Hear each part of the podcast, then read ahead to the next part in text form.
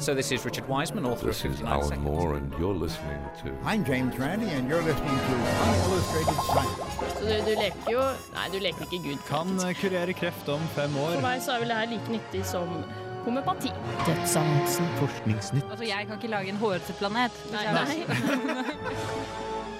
Uillustrert vitenskap.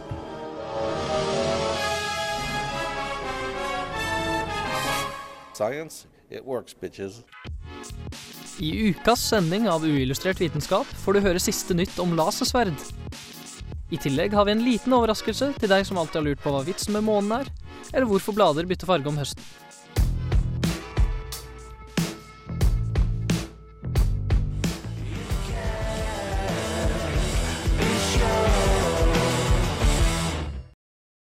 Hei og velkommen til en ny sending av Uillustrert vitenskap. Jeg heter Øyvind, som alltid. Og med meg i studio i dag, hvem er det vi har her? Ja, Du har jo med deg meg, Agnes. jeg er også her, Gaute. Og jeg er også her, selvfølgelig. Hogne. Ja, men uh, vi har jo som alltid veldig mange interessante saker. Hva er det vi har tenkt å snakke om i dag, da? Dere skal få høre litt om eh, hvorfor eh, bladene skifter farge og faller av når det blir høst. Jeg skal nevne litt om eh, hvordan dataspill kan hjelpe deg til å få en bedre opplevelse av ekstremt smertefulle ting. Ja, og så litt om lasersverd og plasmaplaneter og litt diverse annet i Forskningsnytt. Ja, men eh, jeg kan jo også nevne at jeg skal snakke litt om hva som ville ha skjedd hvis vi ikke hadde hatt månen.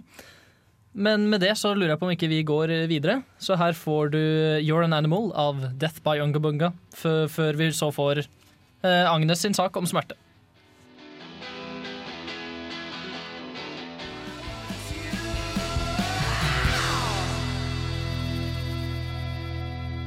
Smerte kan vare i noen få sekunder, eller det kan vare over en lengre periode. Selve smerteopplevelsen er veldig viktig for oss. Vi er avhengig av smertereseptorer som oppdager smertefulle stimuli og hjelper hjernen med å si fra til oss «Øh, unnskyld, men kan du slutte å holde hånda over denne glødende platen? Og kroppen kan dermed svare at «Øh, ja, jeg kan det, og dermed navigere vekk fra kilden som påfører oss denne smerten, og som kan være farlige for oss. Smerte er en komplisert, flerdimensjonal opplevelse. Faktorer som emosjoner, oppmerksomhet og besluttsomhet er med på å styre hvor vondt noe gjør. Men hvorfor er smerte så subjektivt? Forskerne har kommet fram til at det hele handler om en innstilling, og påvirkes av hvilken tilstand vi er i. Er vi f.eks. på et sykehus og skal gjøre noe spesielt smertefullt, som å ta en sprøyte, au, er det en viss sannsynlighet for at engstelsen og gruing for det som skal skje, styrker smertefølelsen. Vi blir derfor ofte bedt om å ikke se på når noen skal stikke oss med en sprøyte. Dessuten har man nå funnet ut at ved å la pasienter som skal gjennom en spesielt smertefull opplevelse, spille et dataspill som krever ny oppmerksomhet, vil ikke pasienten kjenne en så stor smerte.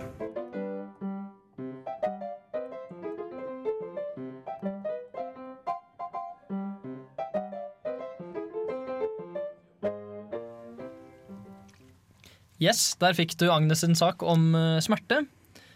Men uh, jeg drev og tenkte på noe her. Hvordan er det det egentlig funker? Det her med, hvordan distraherer man bort eh, smerte, egentlig?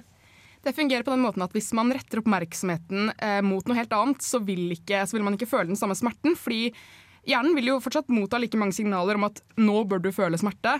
Men oppmerksomheten er et helt annet sted, så smerten blir ikke registrert. Hjernen klarer ikke å bearbeide de signalene den får, da. Når den er veldig konsentrert om noe helt annet. Men hvordan vil dette her være Er, er dette her noe sånn evolusjonsmessig lønnsomt, eller er det bare det at hjernen ikke klarer å prosessere så mye, så mye informasjon samtidig? Eh, det som har skjedd er at Vi har kommet veldig langt med smerteforskning de siste ti årene. Så vi har jo på en måte funnet ut at dersom man klarer å distrahere den personen som skal igjennom eh, noe spesielt smertefullt, da, så kan den personen bli satt til å spille et, eller annet veldig, et spill som krever veldig mye oppmerksomhet hele tiden. Og da vil ikke den personen, De har målt hjerneaktiviteten og funnet ut at denne personen da ikke vil føle så mye smerte. Fordi at synet vårt er en veldig dominerende sans, og hvis vi ikke for eksempel ser at vi blir stukket med en sprøyte, for eksempel, så vil det ikke gjøre like vondt da. Det er annet derfor vi blir bedt om å ikke se på når vi blir stukket. Jeg skjønner jo det er viktigere for kroppen å faktisk gjøre det bra i det dataspillet enn å bry seg om at man er blitt skutt i det ene beinet. Det er viktig, det. Ja. Men eh, jeg drev og tenkte på en annen sak, faktisk. Fordi her om dagen, så, som man alltid gjør en gang iblant, så slo jeg tåa i nattbordet, og det var jo så eitrende vondt. Men det var jo ikke en så stor skade. Men så har jeg jo hørt at det, hvis man f.eks. blir skutt, eller et eller annet sånt, så gjør det ikke vondt i det hele tatt. Vet du hvorfor det er sånn, eller? Det er veldig spennende, fordi at som du sier, det å slå foten i nattbordet, det er, det er helt forferdelig, men det er jo på en måte ikke kanskje en så stor trussel for kroppen. Eh, For det er ikke alltid slik at det vi føler samsvarer med skaden. Og en veldig fantastisk historie om nettopp det eh, var eh, det var en fyr som het Jonathan Metz, som er kanskje et veldig ekstremt eksempel på det her. Han opplevde at han kom i en situasjon hvor han måtte sage av seg armen. Og han forklarte at det ikke var så smertefullt, at den store smerten var den emosjonelle smerten da, ved å se armen dingle uten, uten kropp. da. Så han fikk lov til å se på. Ja, han måtte jo på en måte se på, men det her handler veldig mye om beslutning. Det er veldig mange deler av hjernen som går inn eh, når man skal føle en, en smerte. Da, og en beslutning, hvis man vet at det her dreier seg om liv eller død, så kan hjernen sende ut masse smertestillende, sånn at du klarer å utføre den oppgaven du er nødt til å gjøre for å redde livet ditt. Da.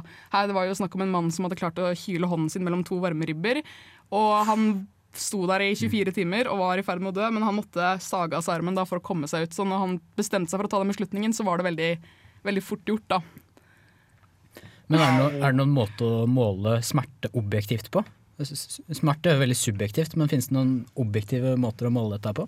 Nei, smerte er veldig subjektivt, og det handler veldig mye om hvilken innstilling du har. Eh, Så hvis man er veldig engstelig, f.eks., så vil en smerte føles litt sterkere enn når man har det glad. Og det samme gjelder hvis man føler seg trist, så vil også smerten føles enda mer intens. da. Så det handler veldig mye om innstilling, og derfor er det jo veldig subjektivt hva vi føler. Og folk syns ulike ting er vondt og kaldt og varmt og forskjellige ting. Ja. Men er dette bare noe hvor vi synes, eller er det faktisk noe du føler? Du, du de tåler? fors forsøkene som er gjort, så har de jo på en måte rata det da, på en skala. Så det er jo på en måte sånn, altså det, er jo en, det, er jo en det går jo ikke an å måle smerte objektivt, da, egentlig. Nei. Nei. Hvis ikke noen finner en smart løsning på dette her da, i framtiden. Nei, nei, men jeg lurer på om ikke jeg eh, blir pent nødt til å si at vi må videre, altså. Eh, Så jeg lurer på om vi ikke bare kjører eh, The Sing av Bill Callahan før vi får Gaute sin sak om blader.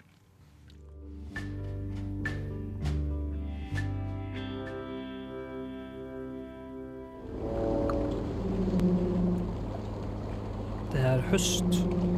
Det er grått, vått og kaldt. Men midt i alt dette triste blir trærne plutselig fulle av farger. Hvordan skjer egentlig dette? For å forstå hvorfor trærne blir fargerike rett før de mister alle bladene, må man først se på fotosyntesen. Fotosyntesen er den prosessen der planter tar opp energi fra sollys og binder den til kjemisk energi de kan bruke til vekst. For å fange opp sollyset har de pigmenter i bladene. Det mest kjente, som også er det de har mest av, er klorofyll. Klorofyllet fanger opp rødt og blått lys, men reflekterer resten, og gir derfor bladene en grønnfarge. Når trærne registrerer at dagene blir korte nok, og at temperaturen synker, vil de begynne å bryte ned klorofyllet. Trærne vet at det ikke er nok vann og lys tilgjengelig om vinteren til å drive fotosyntese, og det er derfor mer hensiktsmessig å bryte ned klorofyllet til næringsstoffer som treet trekker inn i stammen. Når klorofyllet blir borte, kommer de andre pigmentene i bladene til syne. Blant annet er det karotenoider som gir de gule og oransje fargene, og som også gir gulrøttene den karakteristiske fargen. De røde fargene kommer fra antocyaniner, som blir produsert fra sukker som dannes på solfylte høstdager. Når bladene er tappet for næring, vil det bli dannet et lag mellom bladstilk og grein, som resulterer i at bladene faller av, og at høsten igjen blir grå og kjedelig.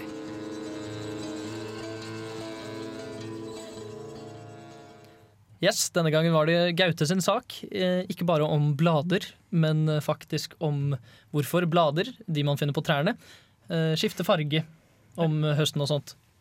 Ikke tegneserieblader, altså. Nei, de skifter ikke farge. Nei, det ikke det. Men det var noe jeg drev og lurte på. Kan eget, altså, hvordan kan disse trærne registrere at dagene blir kortere? Eh, De har noe som heter eh, fytokromer, som er et spesielt eh, pigment som er veldig lyssensitivt. Og som på en eller annen måte klarer å, å avgjøre når dagen er såpass kort at det er hensiktsmessig å begynne å kvitte seg med bladene. Men der de f.eks. har sol hele døgnet, f.eks. i Tromsø og sånne ting, hvor de har midnattssol og sånne ting, hvordan Bladene faller vel av trærne der også? Ja, eh, det er for så vidt sant. Eh, Men eh, midnattssola er jo på, på sommeren, så akkurat, Ja. akkurat der så er jo ikke det noe problem. Og da blir jo dagen kortere etter hvert utover høsten. Ja. Men hvis det er kaldt ute og my, fortsatt mye sol, vil den da bli forvirra på en måte?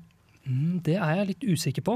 Det er, det er godt mulig at den klarer å bli litt forvirra hvis du blander temperaturer og lengde på dagen, og, Ja. og, og den tuller opp litt med det. Um, Men det er, det er i hvert fall disse fytokromene som, som først og fremst er med på avgjøre om, ja, om tre skal droppe bladene sine eller ikke. Men eh, en annen sak, fordi når vi først er på planter Jeg, drev, eh, jeg gikk jo på videregående en gang i tiden, og da hadde jeg jo biologi. Det begynner å bli en stund siden, men jeg husker svakt at uh, vi lærte at planter bevegde seg etter sola. Mange planter, i hvert fall. Men vi lærte aldri hvorfor. Men nå har vi jo deg her, og du ser ut som du har peiling på planter. Eh, Ja, eh, litt i hvert fall. Det er noe som kalles for eh, tropisme, som da er en, slags retningsbestemt respons på, en stimuli. Og sånn, det da med lys er jo da et stimuli, og kalles da for fototropisme. Som rett og slett vil si at, ja, at de, de registrerer lyset, og så bøyer seg etter det. Um, det er jo andre sånne retningsbestemte reaksjoner som planter kan ha også. Uh, F.eks. det som kalles gravitropisme, hvor de da reagerer på tyngdekraft. Ja, Det er kan- derfor du liksom kan plante et frø hvilken som helst vei? Er det en Ja, og så vil det skjønne av seg selv hvilken vei som skal spire opp og ned. Mm. for eksempel. Stilig. Dette skal jeg fortelle til eh, biologilæreren min. Du nevnte noe om antocyaniner. Eh, Ja. Driver de med fotosyntese? Fordi antocyaniner er jo et slags pigment, så vidt jeg har skjønt. Ja, uh, det er det, men de driver ikke med fotosyntese. Hvordan er det de fungerer da?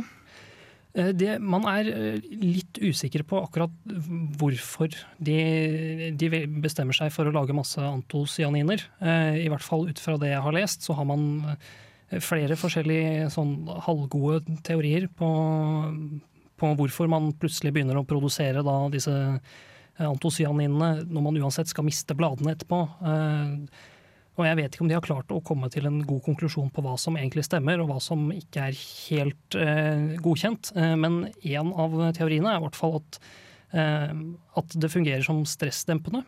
For det er Man vet at det virker stressdempende, men man vet ikke om det er derfor de produserer det.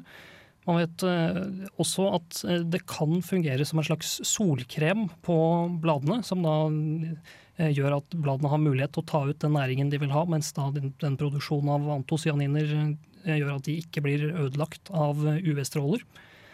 En annen teori går ut på at, at de røde fargene som antocyaninene lager, er for å skremme bort lus som har lyst til å overvintre i treet.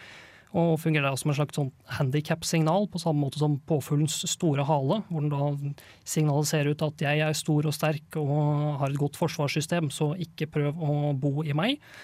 uh, og den, en fjerde teori går ut på at antocyaninene er med på å regulere vann. Uh, at det gjør det mer tyktflytende, og at det gir eh, bladet et lavere frysepunkt, sånn at det er vanskeligere for å fryse på kalde vinterdager. Eller høstdager, ikke vinterdager.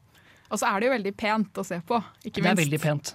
Det er, jeg vet ikke om det er derfor. Det hadde vært veldig koselig hvis det var, eh, var derfor de lagde masse røde farger, bare fordi at det var fint å se på. Det, jeg er i hvert fall veldig glad for det, men eh, det er nok ikke det, altså. Ja, man lærer noe hver dag.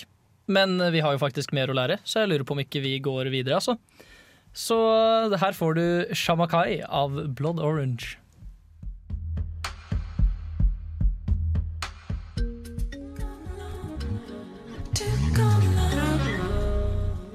Hva har følgende klipp til felles?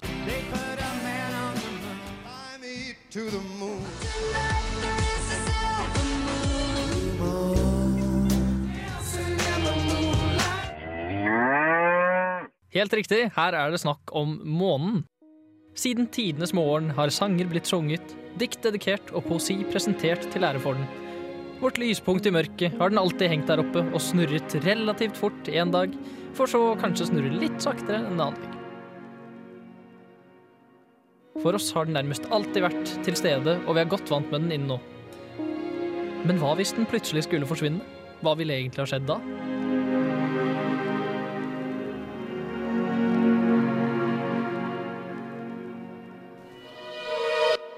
Sannsynligvis har månen hatt en viktig rolle i utviklingen av livet på jorda.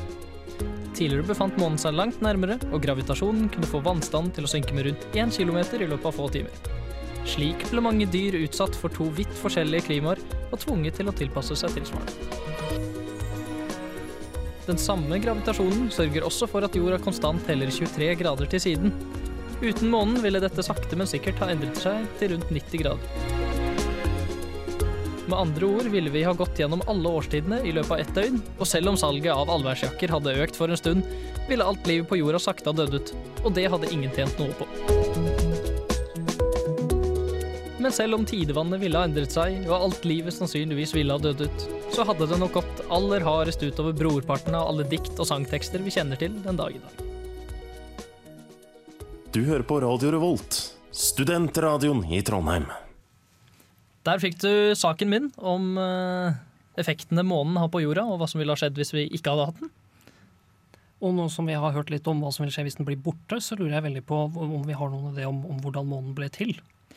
Det har vi faktisk. Eh, vi vet ikke noe sikkert, men vi har mange sannsynlige teorier. Og eh, vi tror at eh, det var ganske tidlig i jordas historie, da. Så, ble, så kom det en asteroide på størrelse med Mars og krasja inn i jorda. Og da ble alle Da ble, var det ganske mange sånne lette metaller. Eh, lettere enn Nå snakker vi jern og kobber og alt det der. Eh, de ble sendt ut i verdensrommet fra både de som var på asteroiden og på jorda. Og så gikk de sammen til det vi i dag kjenner som månen, da. Eh, men eh, har noen sett noe til den der asteroiden seinere? Ikke nødvendigvis asteroiden. Eh, på en måte, ja, fordi den hadde jo en metallkjerne som fløt inn mot uh, vår kjerne og ble en del av den.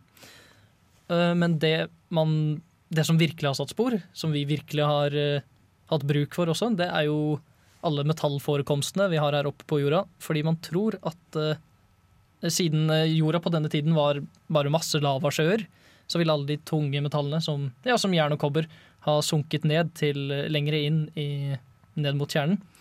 Og da hadde det jo vært veldig vanskelig å få tak i dem.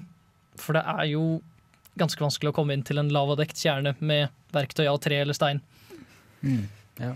Men hvor, hvor, er dette her på jorda, egentlig? Eller er det noen som veit hvor i verden som dette skjedde? på en måte? Nei, faktisk ikke, fordi dette var såpass tidlig. Det var før vi hadde noen sjøer, og før vi fikk noe kontinentaldrift. og alt okay. sånt. Så det, men, men det, man tror det var, også var med på å forme disse kontinentalplatene. da. Ja, ok, Så det gir, gir ikke mening å si at det skjedde der og der, for at bare jorda så helt annerledes ut? Ja, det er eh, ganske vanskelig å si. Ja. Du nevnte jo, altså snakket litt om, om, om, tidevann her, men det er jo et, et annet eh, fenomen som jeg syns er nesten like morsomt, som heter tidejord. Som jeg, som jeg, har lyst til å si noen ord om også. Eh, for tidejord er jo da akkurat det samme som tidevann. Og dere vet jo hva tidevann er, det er jo at vannet blir trukket opp og ned. Uh, mens tidejord er noe man ikke legger så stor merke til, fordi at uh, ja, den jorda vi står på, ikke i like stor grad går opp og ned. Det ville jo vært veldig merkelig hvis vi ja, plutselig spratt opp en meter og så ned en meter. Uh, men det er nok bevegelse til at det påvirker f.eks. eksperimenter de gjør ved CERN, i den store partikkelakseleratoren der. Så, så jeg, hvis månen var borte, så ville det i hvert fall vært veldig mange forskere borte i Sveits som ville blitt veldig irritert. Hadde de ikke blitt glade da? Sånn, det, altså de, de, slipper å bry seg om det, det er ja. sant, men de måtte jo først, først gjøre om all forskningen sin. Da, for å, ja. Ja, okay, da. Fordi Jeg har alltid lurt på, Faren min pleier alltid å si at eh, hvis han har skåret seg på barberhøvelen, så pleier han alltid å skylde på fullmånen. Jeg vet ikke om det har noe å si om, om månen er nærmere oss når den er full, men er det sånn at månen eh, kan forstyrre oss og gjøre at vi f.eks. sover dårligere, eller altså, hvis at den forstyrrer tyngdekraften på en eller annen måte? Ikke Altså, jeg kan ikke si noe sikkert. Nei. Eh, jeg tror kanskje ikke det. Jeg tror, med fare for å være litt frekk, at det er faren din som er rar. Men eh, det er vanskelig å si noe sikkert. Ja. Men eh, med det så lurer jeg på om ikke vi kjører enda litt videre med en låt, faktisk. Og denne heter Overtime og er av US Girls.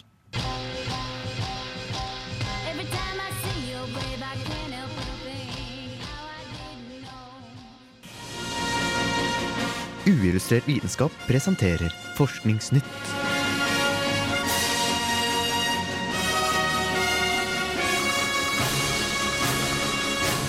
Forskningsnytt. Kina har de seneste årene blitt en stormakt innenfor de fleste felter, også vitenskap. Kineserne produserer nå 9,5% av alle forskningsartikler, bare slått av USA. Men lønnssystemet til kineserne holder på å ta knekken på hele systemet. Kinesiske forskere får nemlig betalt for kvantitet foran kvalitet, noe som har ført til et stort svartebørsmarked av forskningsartikler. I en undersøkelse av de kinesiske myndighetene innrømmet hele 33% ved de seks største institusjonene i Kina at de har drevet med plagiat, falsifisering og fabrikkering av beviser. Dette er langt høyere enn i de vestlige land, og truer med å ta knekken på troverdigheten til kinesisk forskning.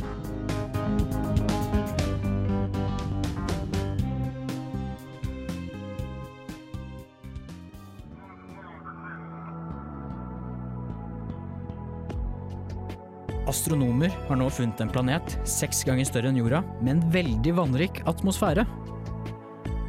Men selv om planeten Gliese 1214b er en veldig vannrik planet, er det dessverre ikke noen jordtvilling. Temperaturen og trykket på planeten fører nemlig til at vann ikke finnes i verken fast, flytende eller i gassform, men kun i plasmaform. Dermed er det svært lite sannsynlig at det finnes liv der, selv om det finnes vann.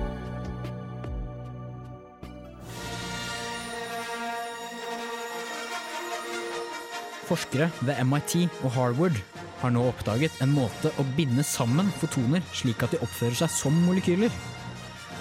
Dermed kan fotonene oppføre seg nesten som lasersverdene brukt i Star Wars-filmene.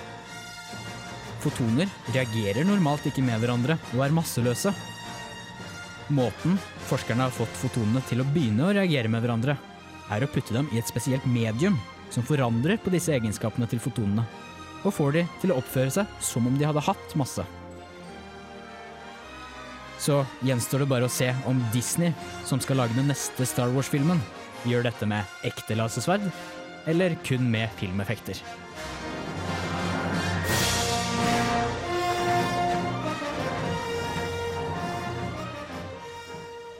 So, this is Richard Wiseman, author of 59 Seconds, and you are listening to Unillustrated Science.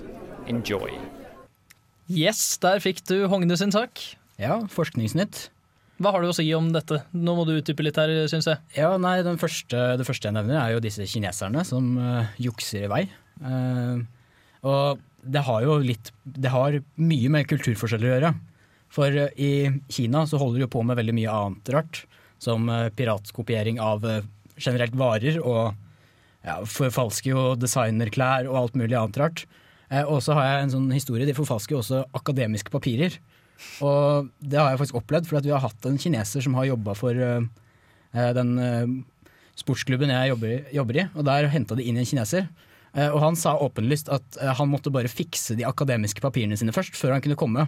Så han tok rett og slett og kjøpte en akademisk eh, tittel, eller sånn videregående Ja, sånn vitnemål.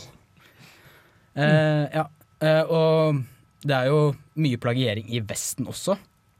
Men uh, der er, altså plagiering, der fant det ut som at uh, kineserne var ikke så mye verre enn i Vesten.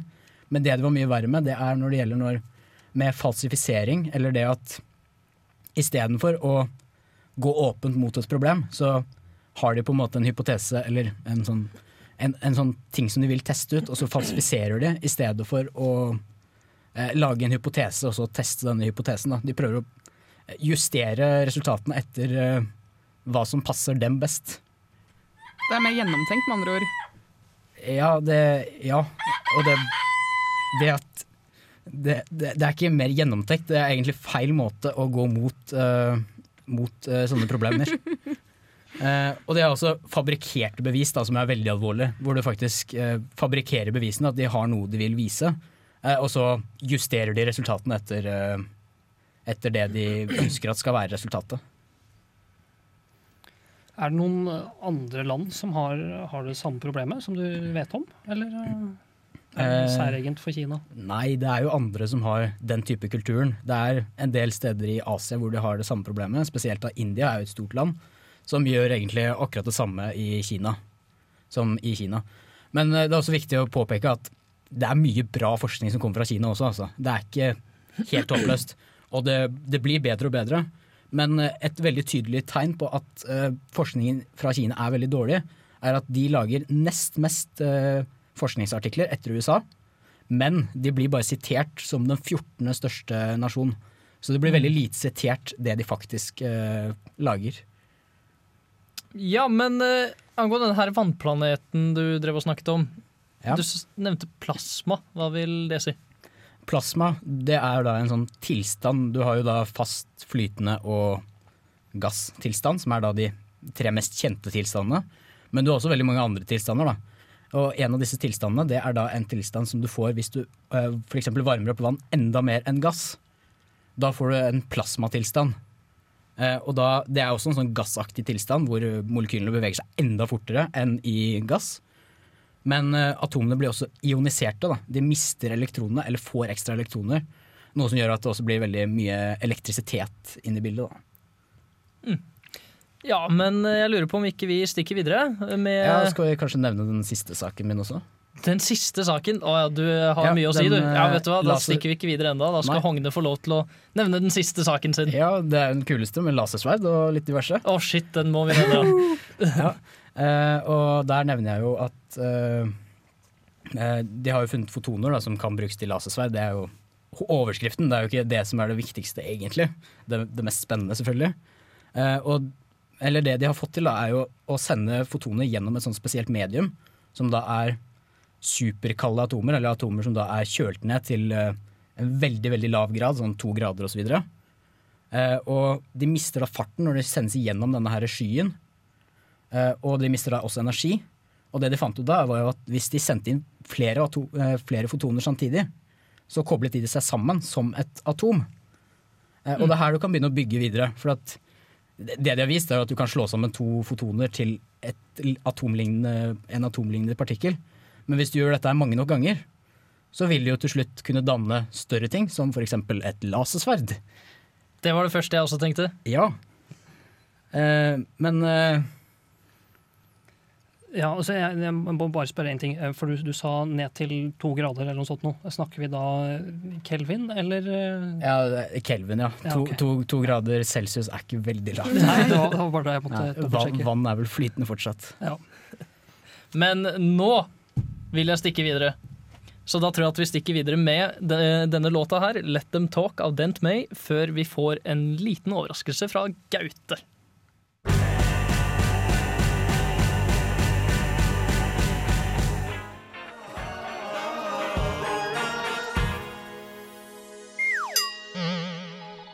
Uillustrert vitenskaps fun fact-skole.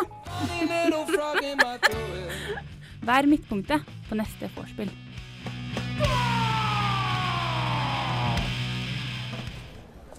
Visste du at kvinner har bedre stedsans når de er gravide? Der fikk du Gaute sin fun fact. Det var overraskelsen. Det var en, en overraskelse. Det det er, jo, det er jo ganske mange som, som sier dette her med at kvinner er så dårlige til å lese kart og bla, bla, bla. bla, bla. Så akkurat dette her, her har jo egentlig ingenting å si for det. Det må jeg bare si med en gang, sånn at ingen, ingen prøver å argumentere med det. Om at de er dårlige før, men hvis de er gravide, så blir de supre kartlesere. Eh, Det hadde for så vidt vært litt morsomt hvis vi da hadde noe sånn Super, supergravide orienteringsløpere. ja, for eksempel. Eller, eller kartleser i rally eller noe sånt noe. Ha en, en gravid med seg. Ja. Eh, nei, men, men det som man har, har funnet ut, da, er at det er flere hormoner som eh, gravide kvinner produserer, som er med på å styrke mentale evner. Blant annet da hukommelse og stedsansen. Og så får man også veldig lyst til å spise altså Kroppen sier ifra mye bedre da, hvis man har diverse mangler og den slags når man er gravid, for at man da skal passe på å få i seg alt man trenger. så får man lyst på litt sånn forskjellige merkelige ting. Jeg kjenner annet en som ble gravid som fikk veldig lyst på rødbeter og faktisk også fyrstikker. Jeg vet ikke helt hvordan det henger sammen, men det er bare en sånn sprø lyst man kan få da, tydeligvis når man blir gravid. Så ja, eh, evolusjonen, eller den som har laget eh, kvinnekroppen, bare tuller med deg når du blir gravid. Bare får deg til å like masse og får litt bedre stedsans og bare gir deg masse rare egenskaper. Ja, for selv om du mangler fyrstikker, så burde du jo ikke få lyst, lyst på dem for det, bør du vel? Nei, kanskje det er et eller annet veldig bra med fyrstikker vi ikke vet ennå. En spesiell supernæringsting i fyrstikker som er kjempe, kjempebra. Det er ikke godt å si. Eh, Men, men jeg kan i hvert fall nevne hvordan, eh, hvordan dette her skjer, da, med at de, at de faktisk får bedre hukommelse. Og det er det at disse eh, hormonene får nerveceller til å lage flere om- forbindelser, og mer komplekse forbindelser, mellom nervesystemene. Eller nervecellene. Man blir rett og slett en superperson av å bli gravid, så tipset er bli gravid. Til alle som ikke føler seg supre. Ja. Ja, det er noe å tenke på, men før dere gir for mange dårlige ideer her, så tror jeg vi skal stikke videre. Og eh, vi tar en ny låt, 'Radiate' av Jack Johnson.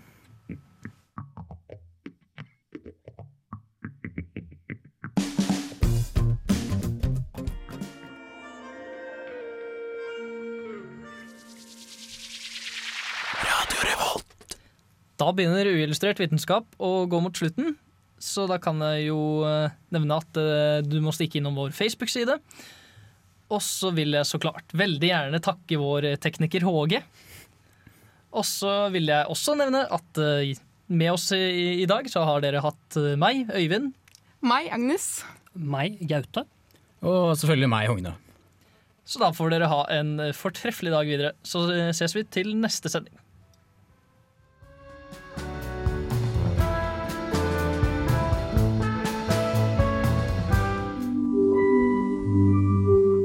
Uillustrert vitenskap er Midt-Norges eneste teknologimagasin på lokalradio. Og vi snakker om alt fra populærvitenskap til sære forskningsprosjekt ved NTNU. Radio Revolt, studentradioen i Trondheim, er stolt av å kunne presentere podkaster fra de aller mest populære programmene våre. Hvis du har lyst til å høre mer fra Radio Revolt, hvem vi er og hva slags musikk vi spiller, så kan du høre oss på FM-båndet i Trondheimsregionen, eller streame sendingene våre live på radiorevolt.no.